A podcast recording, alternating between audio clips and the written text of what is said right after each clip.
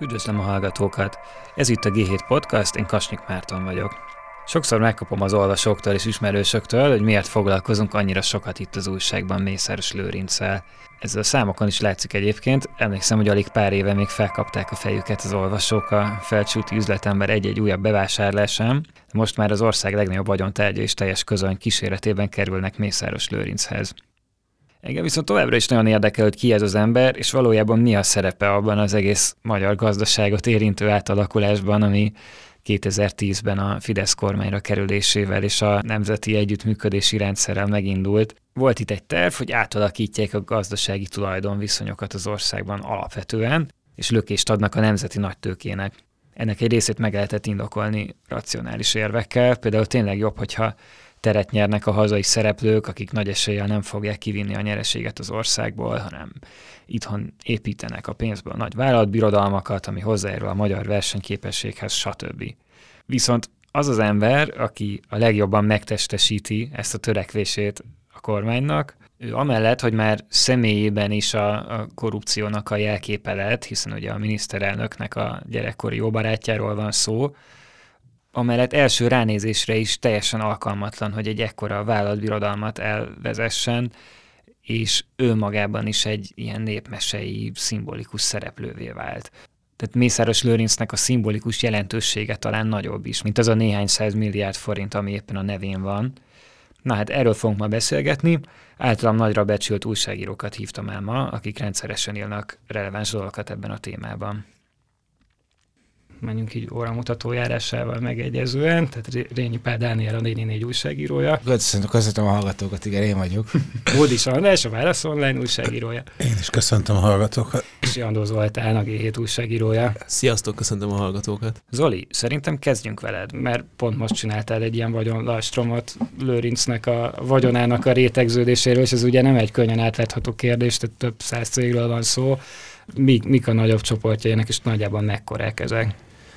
Konkrétan valószínűleg halandó ember számára átláthatatlan, és ebben a halandó emberben benne van Mészáros Lőrinc is, tehát szinte egészen biztos, hogy ő pontosan nem tudja minden cégéről, hogy mekkora részesedése van, és milyen más entitásokon keresztül.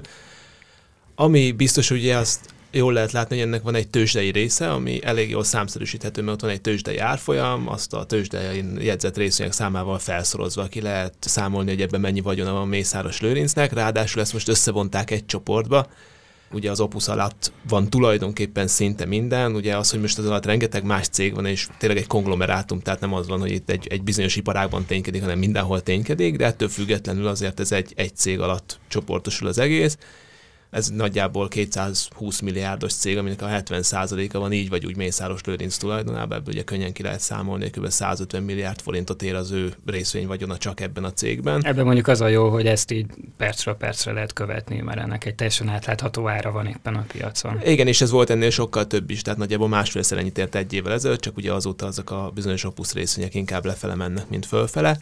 És még a 4 ig van egy viszonylag jelentősebb részesedése, ez ugye az az informatikai vállalat, amely megvásárolta a T-Systems-et nem is olyan régen, és a nagyjából 10%-a maradt annak a magántőke alapnak, amely ugye Mészáros Lőrin C elvileg, és ez kb. 10 milliárd forintot ér. Ja, erre majd még visszatérünk. Ugye ez a tőzsdei birodalom, illetve van az ilyen féltőzsdei birodalom, mert hogy a, a Mészáros családnak a a Mészáros Lőrinc birodalmának az alapjait képző építőipari céget, a Mészáros és Mészáros Kft-t, meg az Erkort Kft-t, az csak a részben vitték be ebbe a tőzsdei birodalomba, majdnem a felét megtartotta Mészáros Lőrinc, akkor ezeket fel is értékelték, ami nálam alatt az egy olyan szűk 60 milliárdot ér ebben a két cégben. És akkor ezen kívül van a tőzsdén kívüli birodalom, amit egy időben egy ilyen Talentis Group nevű cégbe fogtak össze jelentős részben. Ez az, amit most felértékeltek, ugye ennek kapcsán írtuk ezt a bizonyos céget. Ugye jött egy új tulajdonos, és emiatt történt egy tranzakció, bevontak egy könyvvizsgálat, aki azt mondta, hogy ez kb. 210 milliárd forintot ér ez a vállalatcsoport Ugye ebbe is rengeteg minden van, építőipartól kezdve, mindenféle különböző cégeken keresztül, de nincsen benne minden. És akkor van másik három, mi három csoportra szedtük azokat a dolgokat, amik nincsenek benne. Egyrészt ugye a Simicska Lajostól átvett bizonyos üzletek, mint például a óriás plakátok hirdetéseit szervező vállalatok, a különböző agrár érdekeltségek, amik egy az a 38 ezer hektárnyi földet is takarnak, de van borászat meg. meg. A tegnapi négy és fél ezerben benne van, vagy azt még hozzá kell adni? Csak... Azt hozzá kell adni, Jó. az nincsen benne. Ezt még, ezt még korábban írtuk, az ennyire nem up to date a, a Jó, reméljük szombatig eláll az info. Az.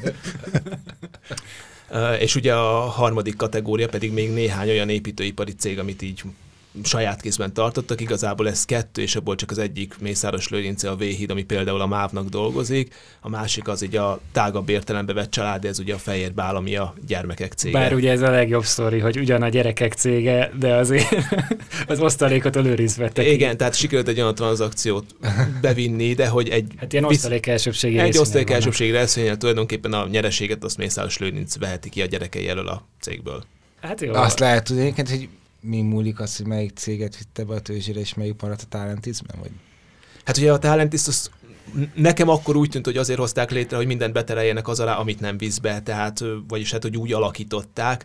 Valószínűleg ugye azokat a cégeket vitte be. Egyébként ezzel megint lehet játszani, mert ugye amikor bevitte a Mészáros és Mészáros, illetve az Airkort felét, akkor azoknak iszonyatos mennyiségű állami rendelés állománya volt, de ilyen 100 milliárdos nagyságrendű. Azóta egyébként picit egy kisebb intenzitással nyerik mennyiségileg ezeket a közbeszerzéseket, de azért mégiscsak van itt egy ilyen épülő Belgrád-Budapest vasút, ami hát nagyságrendileg ugye ugyanez a szint. Szóval, szóval valószínűleg ez számított, hogy melyek azok, amiket ott, amikkel ott azért elég komoly tőkét be lehet vinni, és komoly részvénymennyiséget lehet, mert ez egy részvénycserprogrammal történt kapni cserébe. Hát igen, mert ugye megvolt ez az ígéret, amikor megjelent Lőrinc, ugye fokozatosan lépett be a tőzsdét, tehát először még csak plegykák voltak, hogy, hogy meg fog jelenni, aztán ez egyre hivatalosabb lett. Ugye akkor volt az, hogy 1000 százalékot emelkedett a volt budakásos csalóknak a cége, meg ez az üres pécsi áruház részvény, és akkor világ legjobban teljesítő részvénye volt, de hogy ugye az volt az ígéret, hogy ez egy olyan puttony, amiben folyamatosan érkeznek a vagyonelemek, ez egy idézet valamelyik vezetőjétől ennek a cégnek, tehát ez volt, és akkor gyakorlatilag meg kellett azt csinálni, hogy bevigye a Mészáros és Mészárost, meg az Aircordot, de közben meg azt is látjuk, hogy, hogy azért arra nem feltétlenül bazírozhat a kisbefektető, hogy akkor ő most belépett Mészáros Lőrinc mellé tulajdonos társnak, és bár ugye nyilván gyakorlatilag ezt csinálja, amikor részvényt vesz, de, de arra nem számíthat, hogy, hogy ugyanúgy fog áramlani felé a nagy pénz. Tehát, hogy ugye egy ilyen kettős játék van, hogy továbbra is megy saját maga felé, meg a nyilvános cégcsoport felé, aminek ugye csak a három élének a tulajdonosa. Ja, jó, hát igen, és akkor így milyen iparágakban vannak? Mert ugye azt látjuk, hogy azok az iparágakra szakosodott gyakorlatilag a lőnc, ahol egyrészt áll sok az állami megrendelés, másrészt pedig ugye nem nagyon lehet külföldi versenyel háborgatni azt a területet, nem? Hát szerintem számos definíció van. A, a legbiztosabb az, hogy ahol az állam szabályozóként be tud avatkozni, az olyan típusú piacokat jellemzően elviszi, tehát ahol segíteni tudja, vagy, vagy tiltani tudott mindenképpen, illetve ahol az állam input vagy output oldalon megjelenik. Ezeket nagyjából én itt tudom összefoglalni, és ezt, ezt nyilván máshogy is meg lehet fogalmazni, de ugyanez lesz a végeredmény, hogy a kulcs mégiscsak az, hogy a, az állam hatalom, tehát most vannak hírek arról, hogy a Mátrai erőmű mégse olyan jó biznisz, akkor jön az állam majd, és megveszi az MVM, mert az egy rossz vagyonelem, azt odaadjuk az államnak, a jó vagyonelemeket meg megszerezzük. De ez egy ilyen, szerintem most na, sokszorosan idézőjelbe teszem, de hogy ez így normális, hogy ez egy mozgásban lévő szervezet, mert nagyjából van egy feje, aki ugyanúgy hoz döntéseket az üzletben, mint a politikában, és részben ez a fej, ez azért sikeres a politikában, mert nagyon gyorsan tud reagálni helyzetekre, és ezek mind reakciók, tehát hogy sose fog megnyugodni ez a mozgás, hiszen ez a, a, a fejétől bűzlik mondjuk úgy az egész. Ha a politika úgy működik, hogy gyorsan reagálok, és az sikeres, akkor a gazdaságban is megpróbálják ezt lekövetni. Annyival bonyolultabb, hogy itt néhány szabály azért van, meg, meg nem lehet egy kormányhatározattal mindent azonnal átírni, de nagyjából ugyanúgy működik, mint az ország, tehát hatékonyság alapon szerintem. Igen, én, én csak annyit mondanék ehhez, hogy én azért ócolom már egy ideje, hogy felcsúti vállalkozónak nevezzem Mészáros Lőrincet, mert igazából az a tevékenység, amit őt végez, az nem vállalkozás, mert a vállalkozásnak per definíció nem eleme a kockázatvállalás.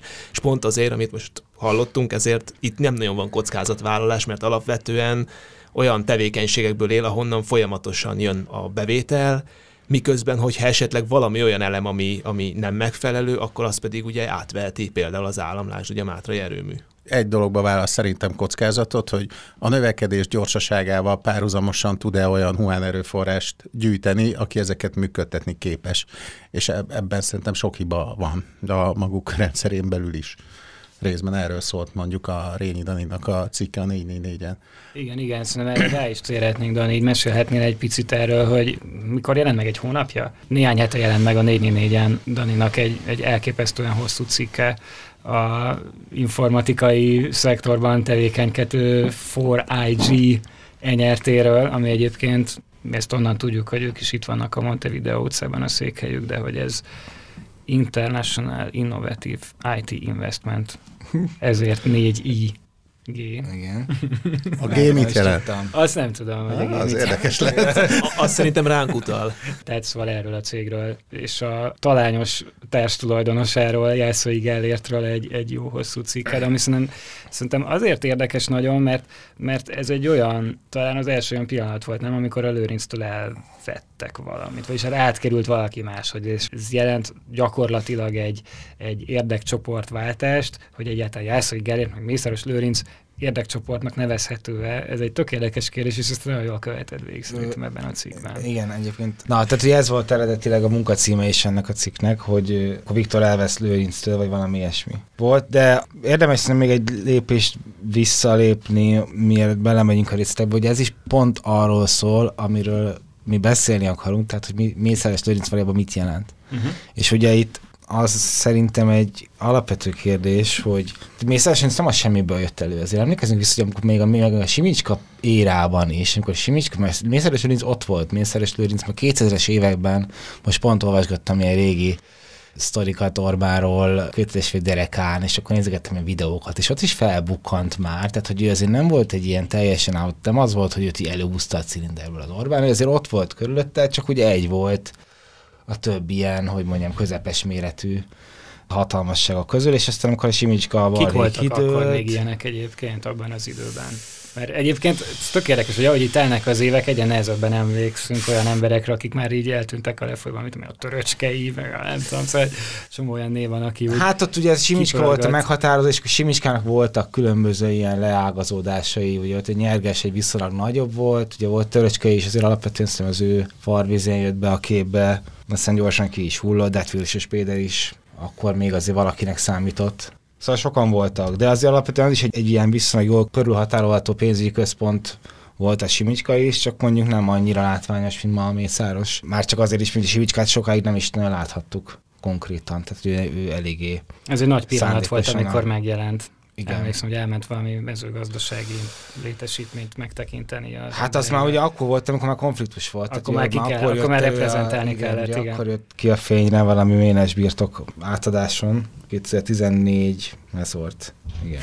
Na de hogy igen, szóval azt akartam mondani igazából, ugye ebben a, a forrágyi bizniszben az az érdekes, hogy ugye itt az történt, hogy van egy nagyon nyereséges cég, illetve Mészáros megvesz egy, egy, nem nyereséges céget, felfuttatja állami segítséggel, 17-szeresére nő a forgalma a cégnek egy év alatt, és aztán úgy dönt, hogy eladja, és aztán ugye ennek van egy ilyen egy ilyen fenék is van az egésznek kerítve azzal, hogy még meg is próbálja indokolni ezt az üzletet azzal, hogy most ő jó téteményt akar tenni az egyik mm, üzlettársával, és lényegében átajándékoz neki egy ilyen hatalmas céget.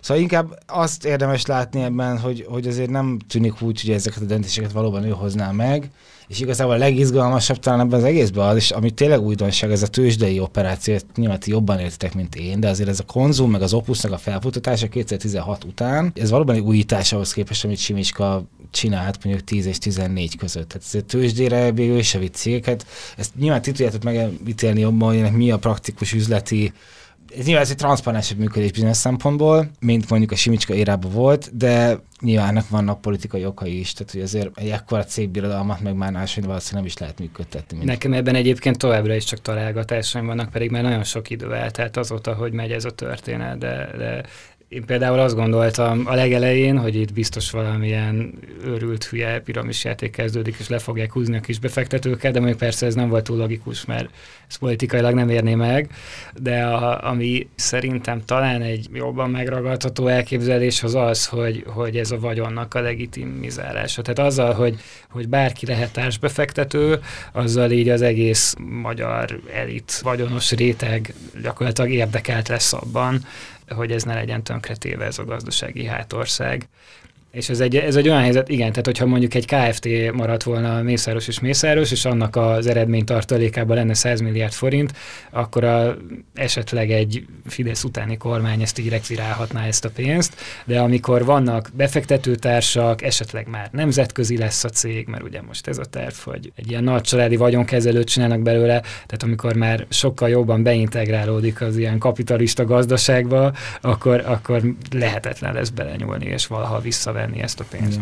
De ez, ez Bocsánat, szerintem, ez, szerintem ez, ez utóbbi inkább a, a kulcselem. Tehát ugye az látszott a, a Simicska birodalomnál, úgy, hogy egyébként a Simicska bizonyos szempontból hitelesebb volt üzleti életben, tehát hogy tőle jobban el lehetett hinni, mint Mészáros Lőrincről az, hogy tud működtetni egy ilyen birodalmat ott is az látszott. Tehát, hogy vannak olyan körülmények, ahogy tud működtetni egy És pont ez a lényeg, hogy ott is látszott tökéletesen, hogy egy pillanat alatt ki lehet húzni a talajt alól, hogyha úgy alakul a politikai széljárás. És valószínűleg azért ezt akarják részben elkerülni, és ugye erről volt az Andrásnak egy nagyon jó cikke, hogy itt azért most már elég komolyan be van betonozva ez gazdaságilag, mert ugye pont arról van szó, hogy hogyha a tőzsdére visznek, akkor ott ugye legálisan tud jönni vagyon akkor is, amikor már esetleg más a politikai széljárás, az egy dolog, hogy ugye ha most lenne egy kormányváltás, akkor is még évekig a megrendelés állományból nagyon sok pénzt ki lehetne szedni, de egyébként meg még ugye ott van az esetleges külföldi terjeszkedés, amit említettél. Most más kérdés, ugye szintén ugye, amit az András mondott az előbb, hogy itt a humántőkének a, a hiánya, meg a korlátozottsága az azért azt mutatja, és a piacról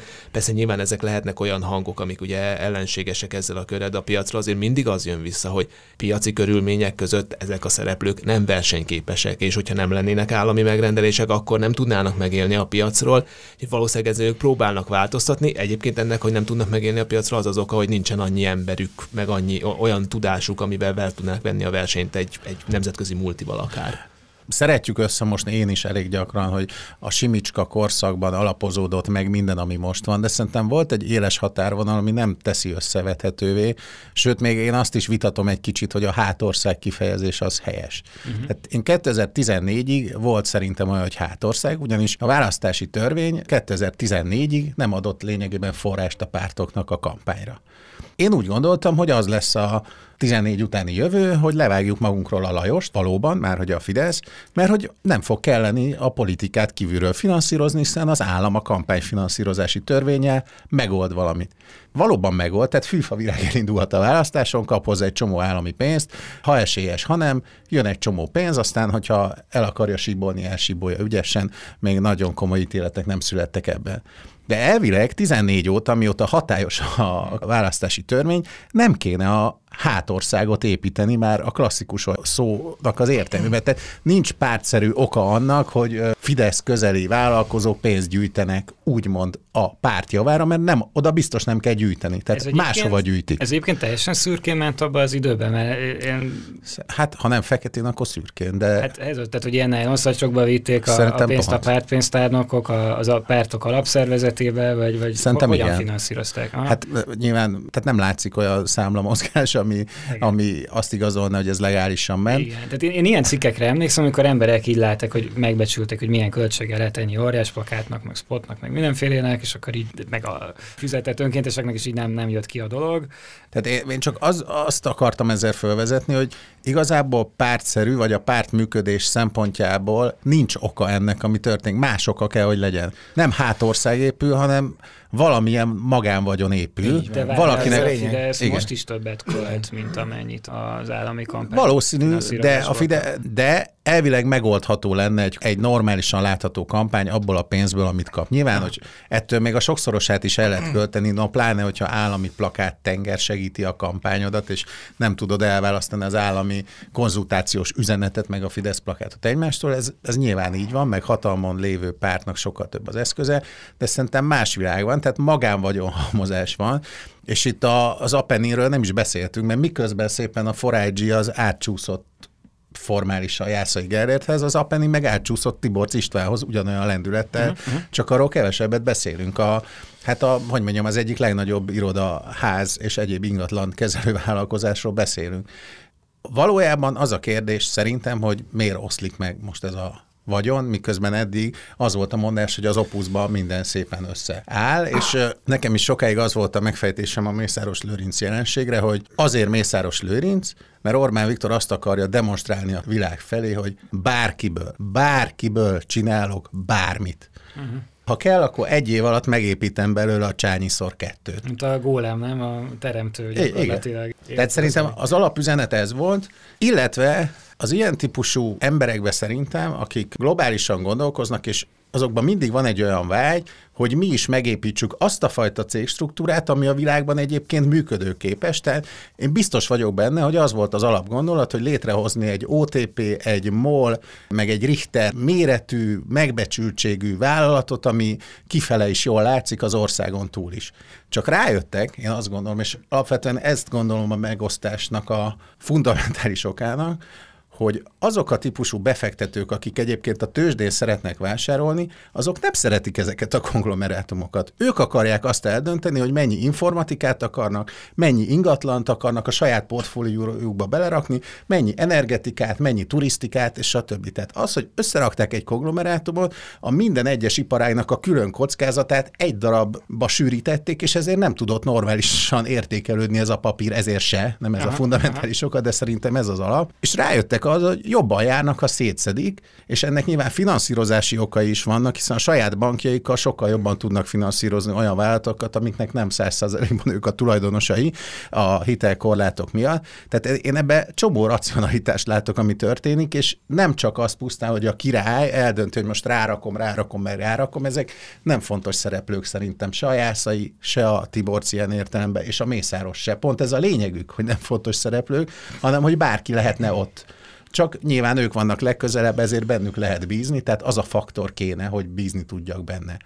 De ami történik, és ez az állandó mozgás, hogy hol egy konglomerátum, hol szétszedem, hol behozom a mészáros és mészáros, de a záévet már nem hozom be, ez mindegy ilyen gondolkodás, és azt látják, hogy a rosszul teljesítünk a papírokkal, hogyan lehetne jobban teljesíteni, hogyha Eddig azt gondoltuk, hogy ha megépítünk egy darab márkanevet az opuszt, akkor iszonyatosan jól fogunk. Most szerintem azt gondolják, gondolom én, hogyha szétszedjük és specializáljuk, az Apenin lesz az ingatlanos cég, a Forage lesz az informatikai cég, az Opus meg lesz a gáz és elektromos hálózatoknak a királya Magyarországon, akkor ez egy sokkal jobb tőzsdei modell, hiszen a potenciális befektetőt, mondjuk a nagy külföldi alapok is, ki tudják maguk válogatni, hogy milyen portfóliót raknak maguknak össze, és nem egybe kínálják ezt a nagy, gigantikus valamit. Nekem most a mostani helyzetre ez a megoldásom Nyilván nem biztos, hogy igazam van, de... Na jó, de várj, ez tök érdekes, amit mondasz, mert, mert a, amikor az Opus kiment és elkezdett rócsózni mindenféle befektetőknek, akkor volt egy olyan szlájdjuk, ahol így mutatták magukat,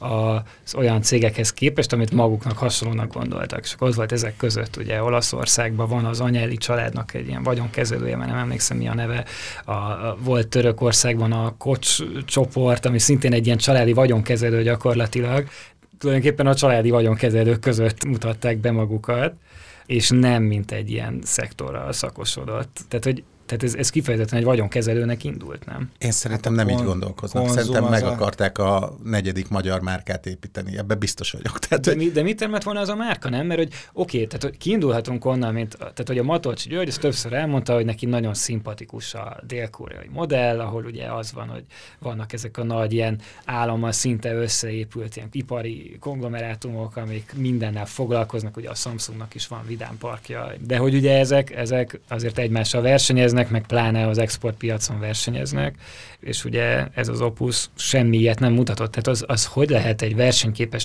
név, ami villanypóznákat vásárol, meg kempingeket a Balaton partján, nem? Tehát, hogy ez, ez nem egy, nem nagyon lehet azonosulni azzal, nem? Hogy, hogy, tehát egy jó név, ez kell egy jó termék is. És az meg itt nem nagyon volt. Le- lehet, hogy ők csak egy ilyen tőzsdei névben gondolkodtak, tehát, hogy mondjuk most a besze, ha úgy eszik, akkor a Richter sem feltétlenül Richter név alatt ad el termékeket, tehát ott ugye termékenkénti márkázás van. Tehát ők szerintem egy új blue chipben gondolkodtak, ha ennél a gondolatmenetnél maradunk. Egyébként ez tök jól rávilágít arra, hogy miközben láthatóan bizonyos egyes cégek szintjén ott van az a humán erőforrás hiány, amiről beszéltünk, az egész rendszert, azért egy nagyon átgondolt szisztéma mentén egy viszonylag okos csapat fogja össze, akik ezeket azért átgondolják és folyamatosan szerzik. Tehát ezért egy ilyen csoportot összerakni, tehát valószínűleg az van, hogy Mészáros Lőrincnek a csoportnak a kezelését, azt azért egy olyan csapat segíti, aki nagyon látja ennek a csínyát, bínyát. Róluk nagyon jó lenne többet tudni, mert én állandóan most, ahogy beszélgettek, ezen gondolkodtam, amikor őkről beszélünk, akkor kihozza meg ezeket a döntéseket, hogy kihozzuk, bevisszük, igen, ezek az... csomószor ilyen, tehát van köztük volt OTP, és van köztük olyan, aki Londonból jött vissza, és így franc tudja, hogy honnan ismerik egymást, vagy csak itt kezdtek el együtt dolgozni. De hogy ugye az, de András végig már meg is válaszoltad a, az egész műsorunknak a fő kérdését, hogy most akkor csak egy néve a lőrinc, vagy, vagy mennyire, mennyire saját jogon szereplő, vagy egy ilyen passzív végrehajtó, vagy, vagy micsoda. De hát ugye ezek az emberek valamilyen mértékben mégiscsak koordinálnak a lőrincsel, nem? Tehát, hogy valamilyen beleszólása neki is kell, hogy legyen, és lehet, hogy ez a beleszólás ez olyan, hogy engedjetek jaktozni, és hagyjatok békén. Szerintem ez úgy megy, mint egy nagyvállalati szinte, hogy 100 millióig egyedül hozod a döntést, 500-nál szólsz, egynél én döntök. Tehát, hogy uh-huh. azt gondolom, hogy aki zsákokon ül, és vállalja a nevével azt, hogy aláír dolgokat, az előjogokat szerez. És azt gondolom, hogy mondjuk a Mészáros Lőrinc bármikor dönthet arról, hogyha otthon a kedves neje azt mondja, hogy most támogassuk a beteg kisfiút 200 millióval, akkor ezt támogatja magába is. Tehát az, nem gondolom, hogy ez felcsúszik ez a dönt, nem gondolom, hogy leszólnak, hogy Lőrinc, legyünk már jó fejek, egy kicsit építs magad a médiába, úgyhogy akkor utaljuk. igen, Léci, nyom meg a szent gombot. Tehát, hogy Hát meg ezek is azért emberi kapcsolatok, bármilyen hülye hangzik. Tehát, hogy azért Abszolút. itt ráadásul az Orbán Mészáros viszonylatban is legalább 20-30 évről beszélünk, hanem többről. Ugye itt látjuk azt, hogy például Mészáros a saját családtagjával töltötte fel majdnem az összes céget. Uh-huh. Ami azért, hogy mondjam, nem feltétlenül racionális, mondjuk, hogyha ha hatalom szempontjából szemléled ezt a szituációt. Tehát nyilván, van, nyilván, tudna haték, nyilván tudna hatékonyabban működni ez a cég. Nyilván nem Orbán Viktor döntött el, hogy a Mészáros Lőrincek a lánya beüljön XY igazgatósági tagként egy-egy cégben, mert egyszerűen ez már valószínűleg nem az a szint, amit, amit, amit delegálni kell. De mondjuk itt szerintem, amit érdemes talán látni, hogy a rendszer így könnyebben működtethető. Tehát és nagyon hajlamosak vagyunk Mészáros Lőrincre úgy tekinteni, mint egy pénztárcára. De azért alapvetően ez egy nagy rendszer, ami így a legegyszerűbben mozgatható. Tehát ezek a vagyonelemek valóban, egy, ugye itt az, az mindenképpen nagy változás a Simicska rendszerhez képest, hogy Orbán politikai hatalom mellett most már a pénzügyi rendszer felett is nagyon erős hatalommal bír. Ez nyilván az ő pozícióját is megváltoztatja, tehát neki az üzleti szférán belül is, hogy mondjam, helyezkednie kell, vagy figyelnie kell az erőviszonyokra, vagy neki fontos az, hogy ezeket valamilyen módon átlássa, és az, ez, ez így oldható meg a legegyszerűbben, hogyha van egy proxid, amin keresztül ezeket a vagyonelemeket tudod mozgatni és ezért látjuk azt, hogy igazából, ha megnézed, ugye Mészáros mondjuk személyi kérdésében látszólag elég nagy önállósága van, bármilyen hülye hangzik is, mert ugye ez a Vida nevű fickó, aki ugye a TV2-t meg a takarékot viszi, tehát konkrétan megkaptak ilyen, ilyen milliárdos, több tízmilliárdos forgalmi cégeket, de úgyhogy semmiből. Úgyhogy Vida lenyilatkozza, hogy nem néz tévét. De egyébként nagyon jó ilyen, hogyha reklámot csinált valamikor, ez benne van az egyik cikkben. De, de úgy érted, tehát azt mondják, hogy Vida is, ő is a mészáros embere, ha jól értem. Tehát, uh-huh. hogy mhm. a, a, szíjászó is ugye mészároson keresztül jött be a képbe, tehát, hogy nem, nem tudunk arra, hogy az Orbánnal ki lett volna személyesen nexusa, de hát ahogy az András mondta, tök mindegy valójában. Tehát, ha van egy bizalmi faktor, akkor nincs jelentés, hogy konkrétan hogy hívják az XY szereplőt. A lényeg az, hogy a rendszer mozgásban legyen, és működésben legyen. Ez egyébként gyakorlatilag a lényege a rendszernek, nem? Tehát, hogy mert én néha próbálom magamat így beleképzelni a helyébe aznak a rengeteg vállalkozónak, akik részt vesznek ebben a szisztémában, és szerintem az őrületbe kergetheti őket az, hogy sose lehet igazán tudni, hogy kifelől fúj a szél, nem? Hát ez, Mert... ez egy politikai logika egyébként, ami most átköltött az üzleti szférába is. Igen. Hogy ugye ez, nem... ez a bizonytalanságnak a fenntartása, ami által persze kénytelen vagy igazodni, mert mi más lehetne. Igen, mert informálisak a viszonyok. Tehát hiába nézed meg, hogy ki a tulajdonos a cégregiszterben, nem biztos, hogy ő hozza a döntéseket. Lehet, hogy valaki oda jön hozzád, és azt mondja, hogy én igazából őt képviselem, és akkor el kell dönteni, hogy most elhiszed neki, vagy nem. Tehát ez, ez azért nem egyszerű. Abszolút. És mondjuk arra, hogy, hogy teljesen cserélhetők a, a figurák. Hát most régen ugye a, a Forage-nak a, az előző menedzsmentje az egy ilyen Symmetria nevű cégcsoporthoz köthető emberekből is állt, amit a teljes piac mindig Tiborc István és testvére Tiborc Péterhez kötött. Tehát én nem tudtam olyan informatikai vállalkozónak találkozni, aki ne evidenciaként beszélt volna erről. Én először azt hittem, hogy az informatikát viszik a Tiborcék majd, és akkor a mi köze az ingatlan kezeléshez a, a Tiborcnak, de végül ő viszi azt, és az informatikát megviszi más. De közben meg a Tiborc István testvérét, meg az egyik MKB és akármilyen céghez meg kinevezték a igazgatósági vagy felügyelőbizottsági tagnak, nem is tudom, hogy mi a pozíció. Igazából azt gondolom, hogy tök mindegy. Nekem az a fundamentális kérdésem az egésszel kapcsolatban, és ebbe kicsit szerintem mást gondolok talán sokakkal szembe, hogy mi az alapmotiváció az, hogy vagyont halmozzunk föl, vagy az az etosz, hogy akkor vagyok én hatékony politikailag, hogyha én vagyok a legnagyobb munkáltató is az országban, és egyébként a leggazdagabb magyar, és egyébként a legtöbb cég tulajdonosa, és tehát én, én még mindig nem tudom elhinni, hogy Orbán Viktor úgy kell fölregje, hogy ma hány milliárdot keresek.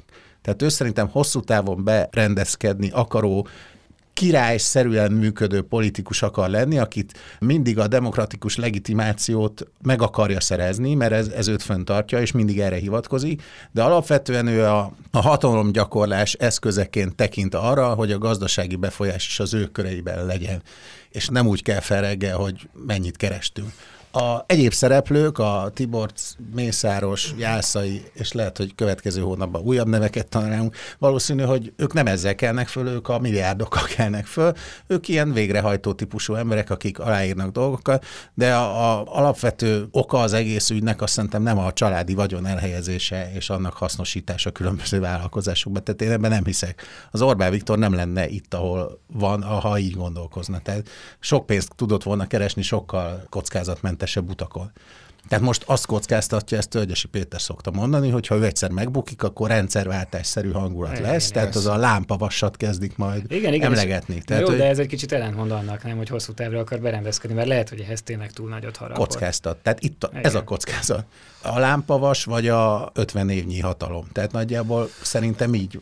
E, ez, a, ez a kockázat nem kicsi, azért jelezném. Tehát, hogy, Én valahogy egyetértek vele, tehát nyilván most már annyi pénzről beszélünk, hogy a családnak se lesz ebbe hiánya, tehát jut is, marad is, most már azért tartunk ott szerintem, de alapvetően egyetértek vele, hogy ez nem arról szól, hogy még hány milliárdja legyen a nem tudom, dédunokáimnak, tehát ebben egyetértek veled. De viszont te is ki is mondtad, hogy ugye itt arról van szó, hogy Orbán Viktor egy politikus. Viszont Tibor István, vagy nem tudom, Mészáros Lőrinc, vagy Jászai Gellért, vagy tudom is én kicsoda, ők, hát nem is üzletemberek, de mondjuk, hogy ők ugye, ők más működnek, hogy a politikában valóban a pénz az egy fontos befolyásolási eszköz. Tehát ő ezzel a pénzzel befolyás vásárol ilyen értelemben az üzleti szférában, a különböző szektorokban, tehát neki ez egy eszköz, ebben nem tökre egyetértek vele. Tehát ez alapvetően tényleg arról szól, hogy így tudod érvényesíteni a befolyásodat. Kétségteni a politikai logika más, de hát most ugye ez van, ugye Simicska ezt ideig megoldotta, többé-kevésbé, amikor ez egy szimbiózis volt, most már az Orbánnak kell megoldania kicsit azért visszakanyarodtunk a hátországhoz ezzel a gondolatmenettel, amit elmondta, és pont ez a hátország dologhoz én ezt is akartam hozzáfűzni, hogy itt ugye azért ez is benne van ebben a dologban, hogy alapvetően, ha itt esetleg történik egy politikai váltás, akkor még mindig ott van a gazdasági hátország, ami lehet, hogy vagyonfelhalmozásból ered, de arra azért alkalmas lehet, hogy nagyon megnehezítse egy új politikai elitnek a működését. Hát a gázelosztó hálózat és a, az áramelosztó hálózat egyre nagyobb hányadát vásárolják föl. Ha jól értem, ez az új, új irány, tehát az Opus lesz a hálózat gazda Magyarországon, mondjuk három év múlva beszélgetünk, vagy kettő, akkor Igen, lehet, hogy a tu- turizmusba beletört a bicskájuk. Nem hiszem, hogy beletörik, mert azt meg államilag lehet dotálni konkrétan, Persze. de hogyha a gázelosztó meg az áramelosztó hálózat az nálad van, és van egy új miniszterelnök, akkor akkor mi van? Tehát át kell tolni a gázt az ő hálózatán, meg az ő... Tehát nincs más megoldás, mint együttműködni vele. Vagy... Ez mondjuk eléggé posztapokaliptikus politika, hogy így elképzeljük azt, hogy Orbán Viktor lekapcsolja a gázt. Hát azért mondom, magyar háztartásokban. Hát azért mondom, hogy én, én nem akartam ebbe a nyári cikkbe, amit te hivatkoztál is, hogy előre festeni valami borzalmat, hogy itt nem lehet majd semmihez hozzányúlni, de komolyan úgy gondolom, hogy nem nagyon következhet más, hogyha itt van egy váltás, akkor vagy leül Orbán Viktor és az ő emberi tárgyalni, hogy gyerekek, szabad elvonulás fejében adunk mindenkinek 20%-ot, és mit tudom én mi, Ez az egyik. A másik az, hogy nem adunk semmit, csináljátok, ahogy gondoljátok. A harmadik meg az, hogy az új hatalom azt mondja, hogy gyerekek, fegyveresen bevonulunk a tigáznak a székházába, és átvesszük a kapcsolót. Hát igen, az a baj szerintem, hogy ezt jogszerűen nem lehet megcsinálni. Tehát hát nagy ez, kérdés. Ez a, ez a vagyon, ez teljes mértékben le van papírozva, és soha nem hát lehet abszolút. már visszaszerezni az adófizetők javára. Tehát ez, ez, és ez, tulajdonképpen ez arra, tehát nem ezt látom én, mondjuk én nem gondoltam, hogy az én életemben még egyszer lesz egy ilyen rendszerváltásszerű hangulat, ami most így visszatekintve nem volt azért olyan súlyos, tehát viszonylag jól túlélték a korábbi rendszerműködtetői az úgynevezett magyar rendszerváltást, tehát van arra esély, hogy ha van még egy rendszerváltásszerű valami, akkor túlélik ugyanúgy, de ez egy sokkal jobban megszemélyesíthető hatalmi konstrukció, ahol elég világos személyes felelősségek vannak, no pláne családivá kezd válni, tehát hogy a, a földim és a, a gyerekem férje, és még ki tudja, hogy még kijön be, meg a testvérem veje, ma, ma olvastam pont talán a 444-en a Direkt 36 cikkét, hogy már a Orbán Viktor testvérének a veje is már gazdasági szereplő lett, tehát azért ez most már egészen csodálatos, tényleg. Mi is találtunk egyszer egy ilyen öt lépcsős hálózatot valahol. Hogy egy De hogy családilag van bekötve, aminél ugye erősebb azért nem nagyon tud lenni. Ha? Tehát, hogy, igen, igen, igen. Csak hogy, hogyha ha elérkezünk 10 vagy 15 vagy 20 év múlva egy, vagy nem tudom milyen hány év múlva egy rendszerváltás-szerű hangulathoz, azt lehet-e egyáltalán békésen vezényelni, vagy úgy jön az új ember, hogy oké, okay, a, a hálózatok, amik az ország fölmaradáshoz szükségesek, azt mondjuk katonai erővel elfoglaljuk. Mert hogy én nem nagyon látok más kiutat, mert mi, kivel tárgyalsz? És ez nem, ez nem felbújtás, én ezt nem szeretném megélni, csak nem tudom, hogy tud-e más történni. Hát igen, ilyen logika szerint működik, tehát a hatalom szerintem is. Azt nem láttam Orbán Viktoron, majd az ő körülötte hatalmat szerzőkön, hogy ők gondolkodnának abba, hogy ha ezt a hatalmat egyszer elveszítik, akkor mi van. Ez hát inkább vagy... egy ilyen, ez egy ilyen dupla vagy semmi, vagy egy ilyen kalandor politika, ha lehet így mondani, hogy hogy ez nem egy opció, itt a hát, vereség nem opció, és ugye ez nem azt jelenti, hogy nem lehet megverni, hanem hogy nem fogja hagyni, hogy megverjék. Bár ba, ennek minden belejárójával. Még egy opció, vagy az ellenzéket is megvásároljuk, amire ugye láttunk kísérleteket a magyar életben. Ha csak kísérleteket. Igen. Sikeres kísérleteket. Sikeres kísérleteket. Ez a másik út, hogy a engem potenciálisan leváltót is én finanszírozom. Ez ugye viszonylag jól látszik, bizonyos pártokat szeret az állami számvevőszék vizsgálni, bizonyosokat meg nem. Bizonyosoknak ad napilapot, bizonyosoknak meg nem. Tehát szerintem van az a forgatókönyv, ahol, ahol el lehet tervezni azt, hogy a bukás után is esetleg hogyan élek túl, és hogy maradnak a hálózatok a kezembe. De bonyolódik ilyen értelemben a helyzet, és mondjuk hatalmas a tét, személyesen, családszerűen hatalmas a tét, tehát az, hogyha az Orbán Viktor nem marad hatalmon, az nem egy egyszerű kis kormányváltás lesz, és ennek alapvetően ez az oka, hogy a Magyarország működéséhez szükséges hálózatokat nem állami cégekbe kezdik behordani, ahogy egyébként tíz után még kezdték, és azt szerintem erkölcsileg teljes mértékben vállalható irány. Tehát ez, azon lehet vitatkozni, hogy melyik a jobb a liberális gazdaság, vagy egy kicsit a államközpontúbb, azt szerintem egy legitim vita, de most nem ez van, most hazaviszik ugyanazokat, amit az államosítás mellett lehetne érveket hozni. Igen, de emellett nem. Szerintem. Igen, mondjuk azért ebben az is szerepet játszik, hogy az államnak nem biztos, hogy volt erre pénze. Tehát hogy ugye amikor a, pont az energetikának az állami bekebelezéséről beszéltünk, ugye az öt nagy ágazatnak az egyik, amiről beszélt Orbán Viktor, hogy magyarosítani kell, kell. Négyet mondod, de négy. öt van. A, a négy-öt nagy ágazat. Hát ugye mondta, egyik, mondta az energetikát, a bankot, a médiát, kiskereskedelmet. a kiskereskedelmet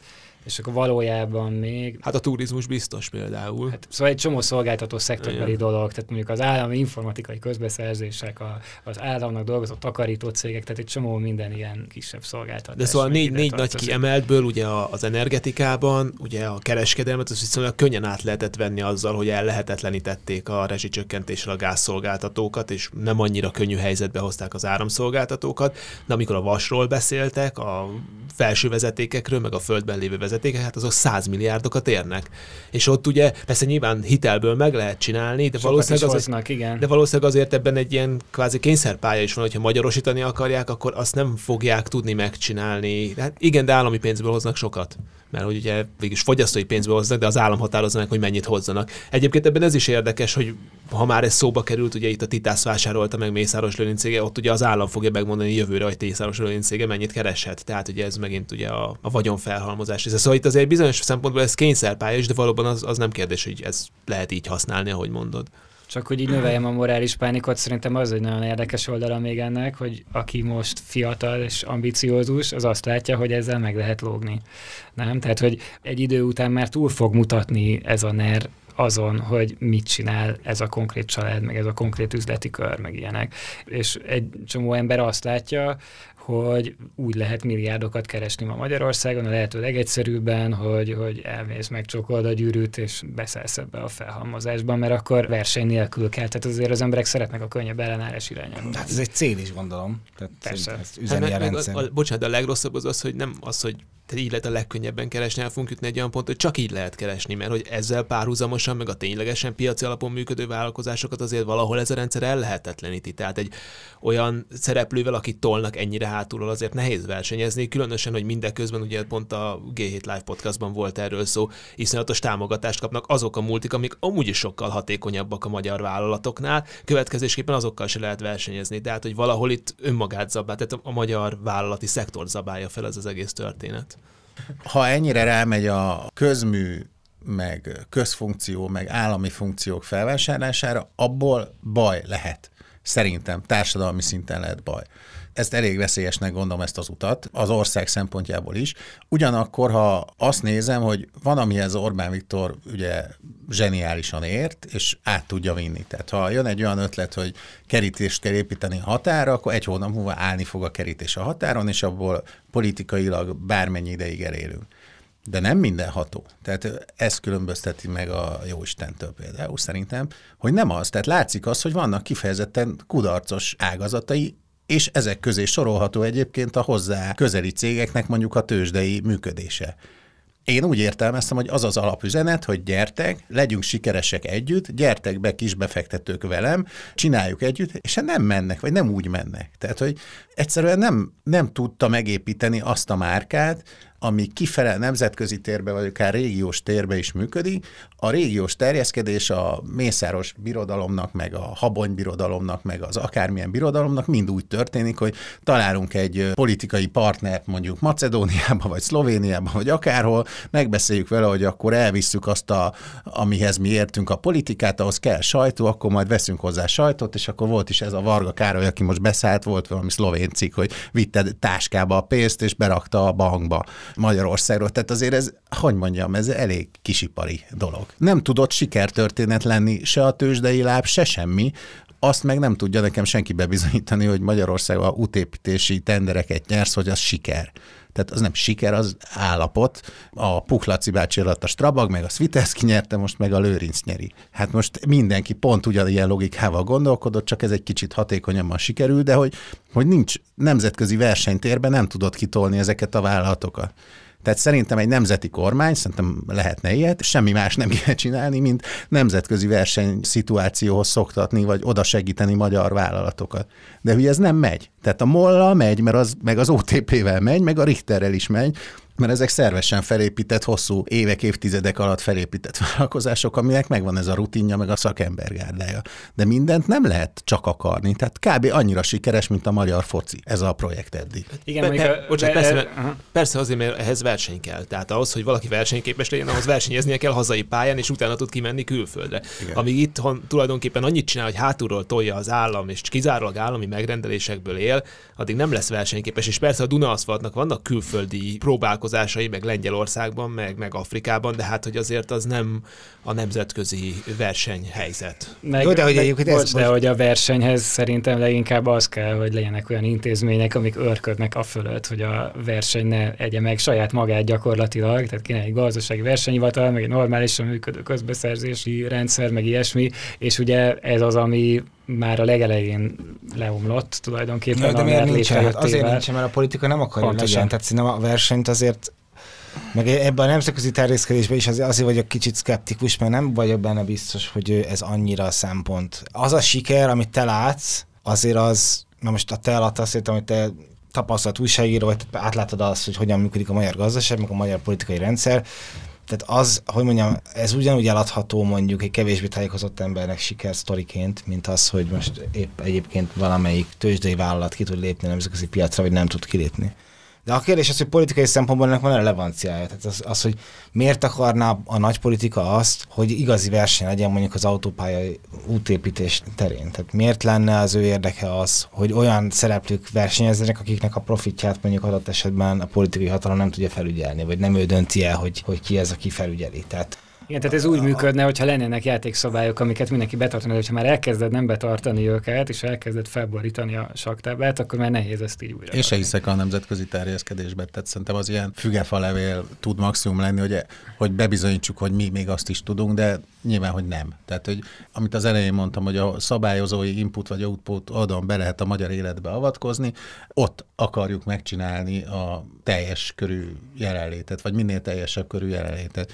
Ez a projekt ezen túl nem tud nyúlni. Hát most pont, pont azért nem tud nyúlni, mert hogy, mert hogy külföldön nem azok a szabályok, mint. Igen. Tehát, hogy aki itthon versenyképes tud lenni verseny nélkül, az külföldön, ahol van verseny, ott nem tud versenyképes lenni. Tehát, hogy... Én még tartok tőle, vagy hála Isten, az úgynevezett Balkánon se, ami ilyen célterület elvileg, de hát sokaknak célterület. Tehát, hogy ő, ők tudnak versenyt generálni, mert van orosz érdek, amerikai érdek, meg ilyen kis magyar érdek is. Hát hogy meg ott nagy van... Igen, potenciál van. Ott igen, szóval. de hogy ott szerintem ők, ők valóságos versenyhelyzeteket tudnak generálni, nyilván rengeteg alkotmányos költséges egyebekkel, de, de az se egy szűzpiac, hogy akkor bemegyünk Macedóniába, és akkor megcsináljuk az útépítést. Tehát lesznek ott még strabagok, meg mások, és még szorozzuk be húszszal. Hát meg amit de most te mondtad el szó szerint, hogy ez az igazi state capture valójában, amiről beszéltél az előbb hogy mondjuk a közműcégeket megszállni, meg azokat a stratégiai ágazatokat, amik konkrétan az ország alapvető ellátásainak a fenntartására szükségesek. És nyilván abba fogja beletenni az energiát. Tehát nekik ez fontosabb, hogy ezek a nagy rendszerek befolyás alatt legyenek, mint az, hogy most mit tudom, plusz befektetés árán zajos nemzetközi sikereket arassunk. Tehát, és a haza nem lett ellenzékben. Hát nincs is, is Van még egy kérdésem, hogy szerintetek öt éven belül juthat Mészáros Lőrinc Simis Kalajosnak a sorsára, vagy nem, és ez úgy mi alapján fog eldőlni? Sokat szóra szögezem, mert szerintem a Orbán Viktor működésének az egyik lényege, hogy tud tanulni a hibáival. Tehát szerintem ő még egyszer olyan modellt nem épít föl, hogy tőle függetlenül emberek mondjuk lelépjenek a zsetonnal, meg a médiával, meg nem tudom én. Ebbe egészen biztos vagyok. Tehát, hogyha valamit megtanult, ez biztos. Ilyen értelemben nem hasonlítható a kettő. Tehát a Fidesz nevű termék annó úgy épült meg, hogy eldöntötték, hogy én leszek a jó király, te meg a vadászgörény, és ugyanolyan fontosak vagyunk. És az egyiket hívták Orbán Viktornak, a másikat Simics Kalajosnak. Most már összemosódtak ezek a szerepek, tehát hogy most nincsen olyan, hogy olyan van, aki jó királynak szeretne látszani, de én a Mészáros Lőrincben nem látom bele a vadászgörényt, mert nem ő az azt a funkciót is elvitte más előle. Tehát összeépültek ezek a szerepek. Kizárom, hogy le tudjon lépni Mészáros Lőrinc a pénze. Tehát szerintem a küszöbig nem jutna el. Hm. Otthon se. Eljelentéktelenedés ez benne van. Tehát azt szerintem, hogy nem lesz annyira hangsúlyos, vagy annyira domináns szereplője mondjuk ennek a politika közeli pénzügyi világnak, azt én simán el tudom képzelni, tehát hogy még jönnek be új szereplők, hogy feltéve, hogy a politikai hatalom az érintetlen marad, simán el tudom képzelni, hogy Mészáros Lőrincnek a befolyása csökken, másoké növekszik, bejön új szereplő, eltűnik régi szereplő, ezt így el tudom képzelni. De hát ez a pont abból következik, amiről beszéltünk, hogy a rendszernek mozognia kell, tehát pont ez a természete, hogy akkor az viszi előre, hogy, hogy folyamatosan ilyen dinamizmusban működik. Szerintem Mészás Lőn számára a legnagyobb kockázat az az, ha elhiszi magáról azt, hogy ez, ez, ez igazából az ő saját teljesítménye, és elkezdi ezt az egészet így kezelni. Tehát neki ez a fő kockázat valószínűleg. Egyébként vannak erre utalóják. Hát de hát persze van, hát csomó. A jaktozás például, ez egy eléggé Meg ugye piros te, lámpa lehet. Mert azért tényleg ne felejtsd, neki van hatalma. Tehát, hogy azért amit beszéltünk, hogy egy csomó ilyen, ilyen alűr, meg csomó ez a, nem csak a jachtozás, igen, meg a meccsek, meg az elszólások. Van egy régi kab, majd átküldöm egyébként, a, amikor voltunk három éve, még, még ugye polgármester volt, és volt ez az éves... Hogy megvette a csárdát, ott emlékszem. És de akkor, nem voltam ott, csak a... De ott még, mert négy éve voltál, igen, igen, akkor igen. Ott, ott, volt egy ilyen, hogy mesélt egy sztorit, megvan a felvétel, meg is van a botosnak, hogy valaki mondta neki, hogy hallotta, hogy megvett valami csárdát, és mondta, hogy nem is tudott róla, és megnézte, és hogy nem is vette meg, és akkor megvette. Tehát, hogy tényleg ilyen... Miért ne? Meg hogy... miért ne hívná le a Palkovicsot van... az Óbaroki kamion megállónak az átadására? Meg ugye a kinevezéseken látszik, hogy van neki mozgástere, és persze, hogy elhiszed, hogy ki ne hinné el amúgy, de most tényleg egyébként, hát szerintem ez azért teljesen egy, az ember ilyen, hogy előbb-utóbb persze, hogy elhiszed, hogy nem véletlenül vagyok ott. Hát azért ő is ledolgozott nem tudom hány évet, tehát így működik az ember, hogy el akarja hinni, hogy azért vagyok ott. Tehát ez nem természetes. Kicsibe egyébként, hogy alakul a birodalom, tehát az a gyerekek, a három gyerek az elején egyenlő súlyú szereplő volt. Most a fiú, ifjú Lőrinc, az már, ha jól értem, az a Bélmegyeri vadászkastélyal van elfoglalva, meg a vadászszenvedélynek hódol, és az agrárcégek környékén van még egy kis befolyás. A másik lánya, az Ágnes, ő hozzáment a Homlok Zsolthoz, aki a vonatipar nagyágyúja, volt korábban is a Sviteszki-nél egyébként, és akkor az Ágnes nagyjából a háztartásbeli pozíció felé tendál, közben ásványvizeket még gyárthat, azt hiszem, amit a MÁV fölvásárol, és akkor egy valaki látszik, a Beatrix nevű hölgy, aki ki van nevezve a, a király utódjának, vagy valami ilyesmi lehet, de hogy... hogy, a, hogy hogy ez vezeti az opus most egész igen, igen, igen. Tehát ő, ő az, aki meg van téve az üzletasszonynak, hogyha Lőrinc eltöri a lábát, akkor valószínű, hogy Beatrix megy tárgyalni, de hogy, hogy ez, ez is változik állandóan szerintem, és a helyükre kerülnek a dolgok, tehát ifjú Lőrinc valószínű, hogy, hogy jobban szeret vadászni, mint más csinálni, ezért ő azt a területet kapta meg, és nincsen föltolva az Opus igazgatóságába, és ez így mindenkinek sokkal jobb, nyilván.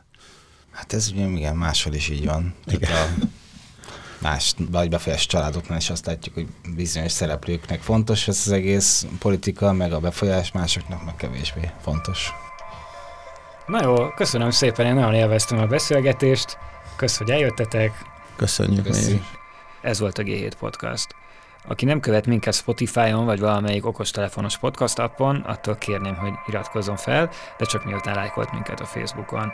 Találkozunk a jövő héten.